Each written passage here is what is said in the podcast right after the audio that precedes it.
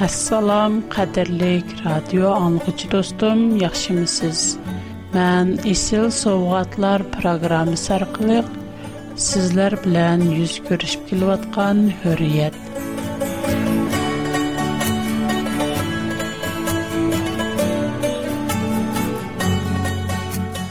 Teningizlərə salamatlik diləyirəm. Dostum, navada siz proqramımızı anlığan bolsanız, Dostunuz, uruq ва və tunuşlarınızni proqramımızni birgə anlaşqa təklif qılışınızni ümid qılımın. Bugünkü söhbətimimiz ölüm və dozaq. Quran Kerim 1-ci sürə 1-ci 3-cü ayət keçə. Nahayiti şəfqətlik və mikriban Allahın ismi Cimi həmdosana aləmlərinin pərverdigarı Allah'a xastır.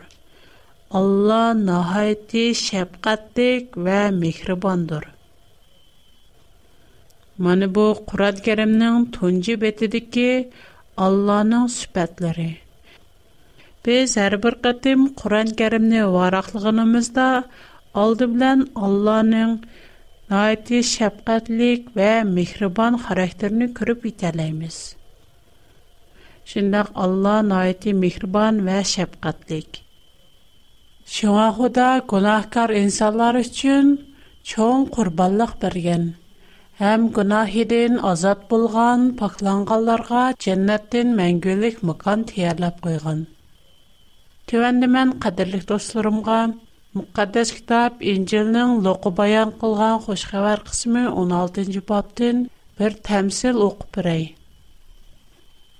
Бай белән тилемче. Хәзер тәйса мондак диде. Буронларда даим хәшәмәтле киемләрне киеп, әйше ишрәтлек тормыш кечерәдгән бер бай үткән икән. Яна бүтән әзайыны җарахат бисеп кеткән, Lazar isimlik bir tilamchi бар bar ekan. уни uni boyning dastxonidan oshgan narsalarni terib yeb, jon bog'sin deb, уни uni boyning ishik oldiga akilib qo'yadi ekan. U yerda yotganida hatto ishtlar kelib, uning yaralarini yalaydi ekan. Keyin bu tilamchi o'lib ketibdi. Пәрештілер оны жәннәтке іліп кіріп, әждадымыз Ибрахимның бағырғы етқызыпты. Оныңден кейін байма өліп кетіпті. Ерлікке құйылыпты. у о дүниада қатты қазап чекіпті. У бешіні көтіріп, жирақ бір жайда әждадымыз Ибрахимны ва оның енедіке лазарны көріпті. И бовам Ибрахим, маңа рахим кылгайсән, назарны әвәткәйсән. У бармагының учы белән су төметеп, тиләмнән намдап койгай. Чөнки мен бу от ялкынының içидә интайын азапланывадымен, дип вакырапты. И огылым, депту аجدабыз Ибрахим, Hayat vaqtında halavətli yetkiç gördün qo. Lazar bolsa həmmə cəpanı tartdı. O əmdi bu yerdə rahat görüvatıdı. Sən bolsan azaplanıvatsın. Onun üstügə ikimizdən arısını tigi yoqan ayırıb duruydu. Şuna bu yerdin sən durğan yergə berişmə mümkün əməz.'' О ярден бо ярги килишмо мумгин амаз. Бай мандах дабду. И, бова, ондах болса лазарни адамның үйге авэтшыңыз нөтінімен.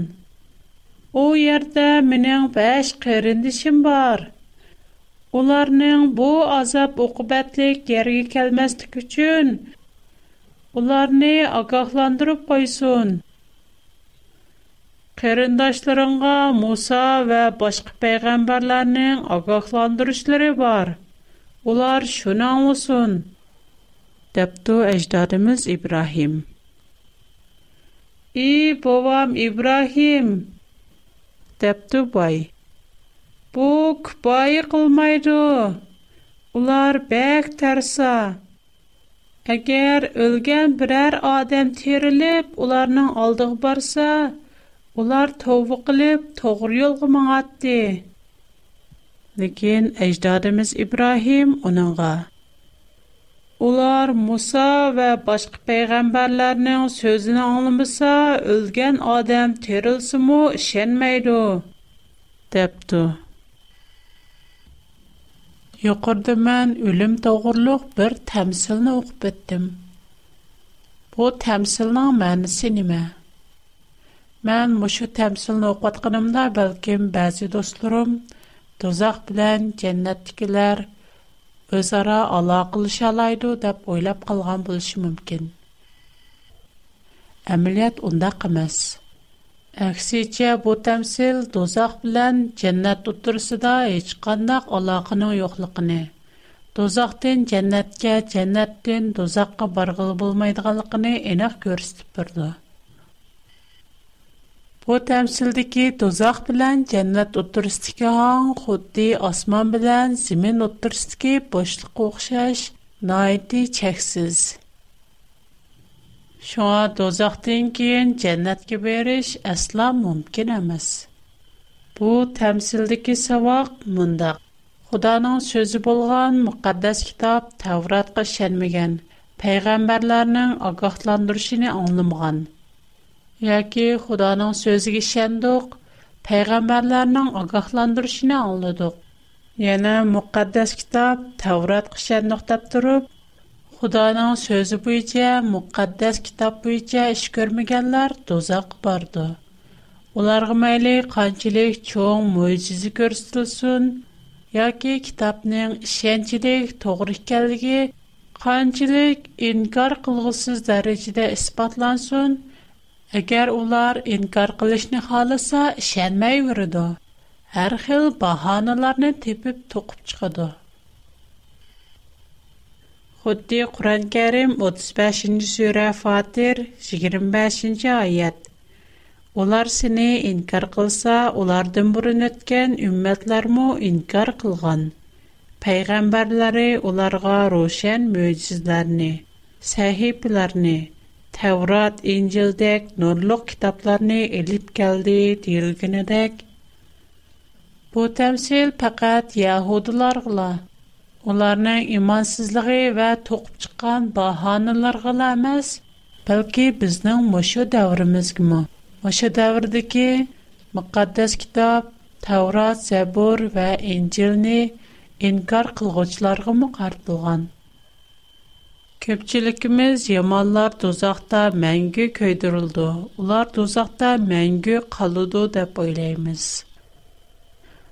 Yəni bizdə heyt ayəm və adətlik günlərdə qəbristanlıq çıxıb, ölüklər üçün dua qıldığan adət mü var?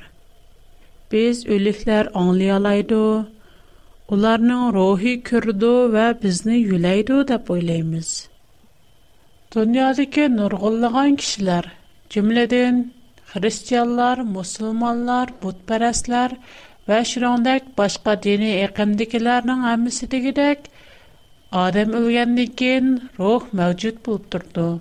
Ruh mengü ölmeydu dep oylaydı.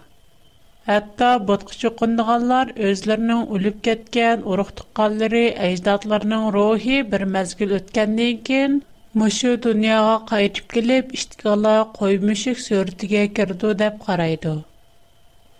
Ондақта суал. Өліклер зады qandaq. Олар өлгенне кейін аңлы аламды. Әркет қылаламды. Өлгенне кейін зады немі 46-нчы сүре Әхқаб 30-нчы аят. Эй қавмымыз! Хақиқатан біз Мусаден кейін назыл болған, оныңден үлгерке китапларға ұйғын келедіған, әқ дынға вә тоғыр елғы баштайдыған китапны тұңшыдық. Мұшу аят бойынша Құран кәрім ұйғылышыдыған, өзі күвахлық бірдіған, мұқаддас китап Тәурат, Зәбур вә Инчілден үлім сады қандық, тозақ юқыламды йоқ, Бу аятке бер нәчаятне тафсиле күриб чыкайлы. Сабур 146нче көй 4нче мısра. Улар өлеш белән ла топраğa айылынып кит е. Уларның мәсләхәтләре шу күннәләр бербат булды. Бу аятның мәнисе ниме? Бу аятның мәнисе Таврот 3нче бап 19нче аят. Топының ярытдылдың Шоңа яна топуға қайтсан дейілгенедек, адам өлгенден кен топуға сыңып кетіду. Шындақла адамның барлық шәркеті әм ой пікірі йоқ чықыды. Таврат Сулайманның 9 5-6-10 айет. Терік ет үлік шерден яқши. Аят kişiler өзлерінің өліміне бұлды. Ölüb ketkenler hiç nemini bilmeydi. Ularga yana inam yoktur. Ular bütünley unutulup gitidi. Ularning muhabbat, nefrat va hasadlarimi o'zlari bilan billa o'ladi. Quyoshning tegida yuz bergan ishlarda mangi ularning hassallari bo'lmaydi. Har qandoq ishni qilganingda terishib ishla. Chunki oxiratda ish yo'q. maslahat yo'q bilim yo'q aql farosat yo'q san mana shu joyga borsan bu oyatning ma'nosi noiti aniq odam o'lgandan keyin fikr qilish o'ylash ishlash va tafakkur qilishdan iborat barliq sharkat to'xtaydi misol bir odam uxlayotganda agar u tush ko'rmagan bo'lsa qattiq uxlagan vaqtida atrofida nemishlarning yuz berganligi ham yuz birdig'anligini bilolmaydi ham tafakkur qilolmaydi balkim u tush ko'rgan bo'lishi mumkin biroq bu tushlarmi uni xohishi fikri bo'yicha bo'lgan emas odam o'zining qandoq tush ko'rishini kontrol qilolmagandek uxlagandimi o'zining fikrini kontrol qilolmaydi yəni uxlaş cəryanında oylayalmaydı. Adam ölgəndən kən xuddi uxlayatqandək ularda heç qandaq təfəkkür, sizim, oylaş olmaydı. Onlar yana anlayalmaydı, kirəlməydi. Hər qandaq iş qıla almaydı. Axırkı zamanda barlıq adamlar terildirilgəndən kən ularga özünün qəbrində turğan vaxtı найти қысқа білінді. Куран кәрім 23-ші сүрі Мойымының 111 аяттен 114-ші аят Алла, сымында қанчы ел тұрдыңлар, дейді. Олар, бір күн, яке бір күнді му аз тұрдық, исаплық үшіден сорығын, дейді. Әгер сілер білсаңлар, пәкәт азғыны тұрдыңлар, дейдо. Буая хаберет килләрнең هیچ кендәк ой-фикер кылалмыйдыганлыгын испатлыйды. Шунлыклар каврида шатлык, кайгы, азап катарлы هیچ кендәк кисиятның юклыгын испатлыйды. Адам ухлап калганда худди өлеккә охшаш. 6-нче сүре, ан'ам 60-нче аят. Алла силәрне кичсе ухлытыды. Күндүзке қылған ишлерин арне билеп турду. Андан белгиленген мөддәтке чей яшьчлар үчүн күндүздә сөйләрне уйғытыды. Алланың даргаһыга кайтышлар. Андан қылған амәлләрин Алла силергә әйтэп бирде. 39-нчы сүре, Зумар 42-нҗи аят. Иnsanнар өледеган чагырларында Алла уларның җанларын алды. Ölmegenlerinin canlarını uxlagan çağlarda aldı. Mana bu ayetlerinin hemisinden ölümünün yokuluş, tügeş degen mənisi naiti enik çıxıp durdu. Ondaqda ruh degen nime? Ruh zadi mevcut mu emas? Bunun için müqaddes kitab, Tevrat, Zəbur və İncil'den cevap izləb göreyli. Tevrat Süleyman'ın Pendi Nesiyeti 3. bab 21. ayet. Adamның ruhi yuqurğa көтөрүлдүганлыгын, hayvanның ruhi bolsa yerге кирип кетидиганлыгын kim muayyenləşdirə alaydı? Bu ayətin mənası ruh əməliyyatda nəfəsdən ibarət. Çünki nəfəs həyatlığın mənbəsi, yəni insanların tinidəki candan ibarət. İnsanlar ölgenden ken insanların jene bolğan nefes Xudağa qaytıdı. Çünki Xuda insanların hayat yaşışı üçün nefesni bergen. Hayvanların nefsi yeni jene bolsa tuproqqa sığıp ketidı. Hayvanlar yeni qaytıtdırılmaydı. Şuğa onların ölümü bilen tan onların jene hayatı tügeydi. Biznin bu tinimizning çirip tuproqqa Женіміз вәр нәпсіміз болған рухиміздің болса ғудағы қайтылыға қайқа да Сулайманның пәндей нәсі әтліри 12-й бап 7-й айеттә мұндақ дейілген. Теніміз айланып, рухиміз жан бәрген ғуданың үлгігі үйтуду. Тәурат Айып кітаби 27-й бап 3-й айет. Айатым тенімді дұр, ата қылған ғайатлық нәп Мошы аятдә рух, хаятлык нәфси дип аталган. Адам өлгәндән кин нәфәс туктайды.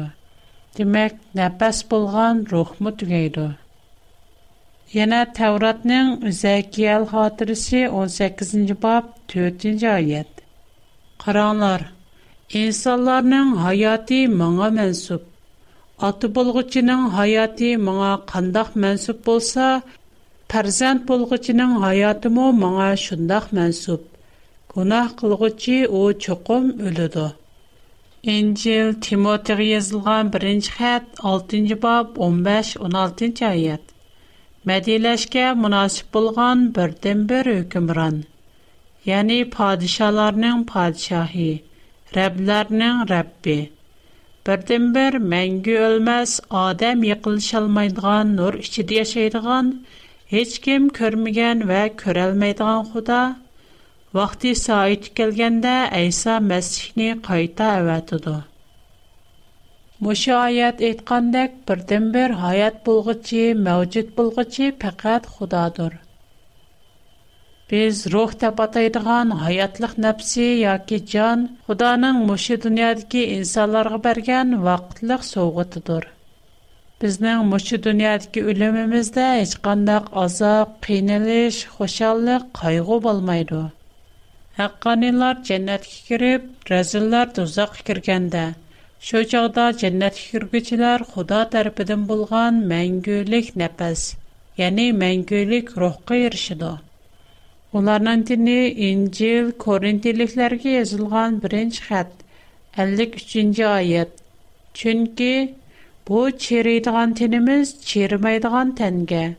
Bu ölediğan tenimiz ölmeydiğan tenge aylanışı kerek. Digen ayetlikidek hergiz çerimaydı. Mengü yaşaydı. İncil Yaqub yazğan xat 2-ci bab 26-cı ayət. Ruhi yoxdan ölük bulğunadək əməliyyəti yox itiqadmı ölüktür. Bu ayetki ruhiyyoktan ülük digen sözlerden ruhnen ameliyatta nefes gelgini kırvalalıyımız. Çünkü bir adamın nefsi tuttuğanda onun hayatı akırlaşıp geni bulmaydı. Şuna ruh, hayatlık, nefesini görüştüldü. Yokarı demen kaderlik dostlarımdan ölüm zari kandak diyen meslüsü de bir az Sual Sual Ölgəndən zade zadə yuz yüz Biz nəyə barmiz. Mana bu bizning həyatımızda çonqur oylanışqa tegishlik məsələlər. Biz ölgəndən kən çoxum dozaqqa yoki cənnətə barmiz. Buningdan bilak bizning boshqacha tanlash huquqimiz yo'q.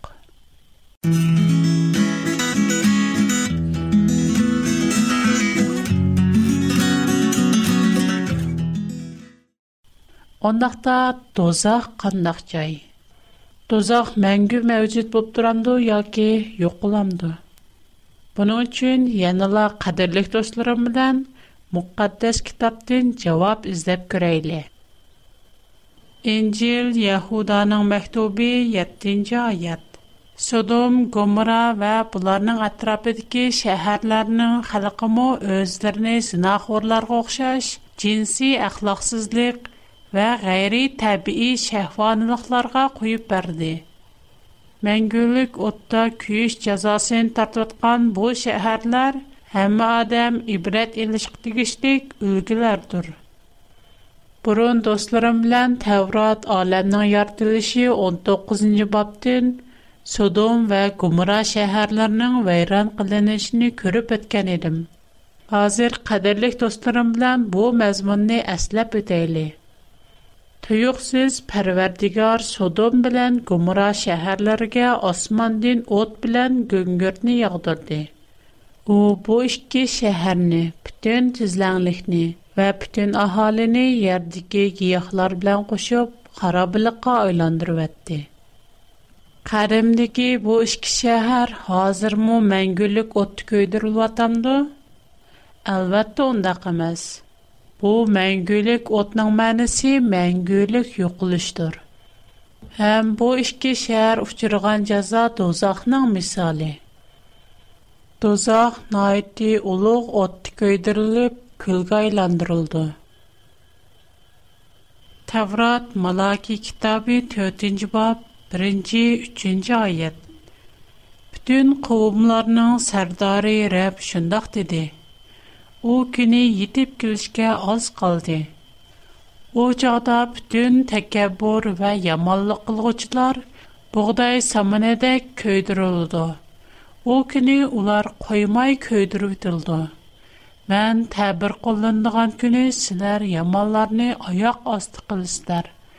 Улар силәрнең аяқ астыңларда ки чаң тузанга охшаш булып калды. Бу аяттик ки у күне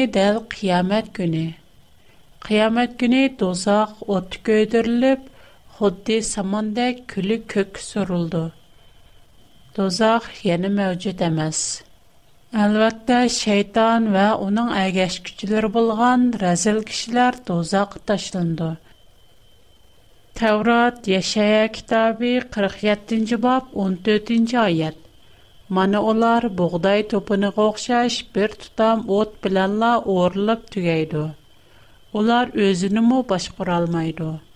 Олар отның қызықығы чидимайду. Бу от әргіз өйни істырдыған аз от дәмэс. 14-нч ба 15-нч айад. Лекин пытлишип, көргекирип, чонқор ханғыларға чүшіп кетшіңни ойлымған идің. Таврат изя киял китаеби 28-нч ба 18-нч айад. Sən naiti köp və əğir günahlarga çömgən, adalətsizsən. Sən müqəddəs cəyğa böhtan qıldın.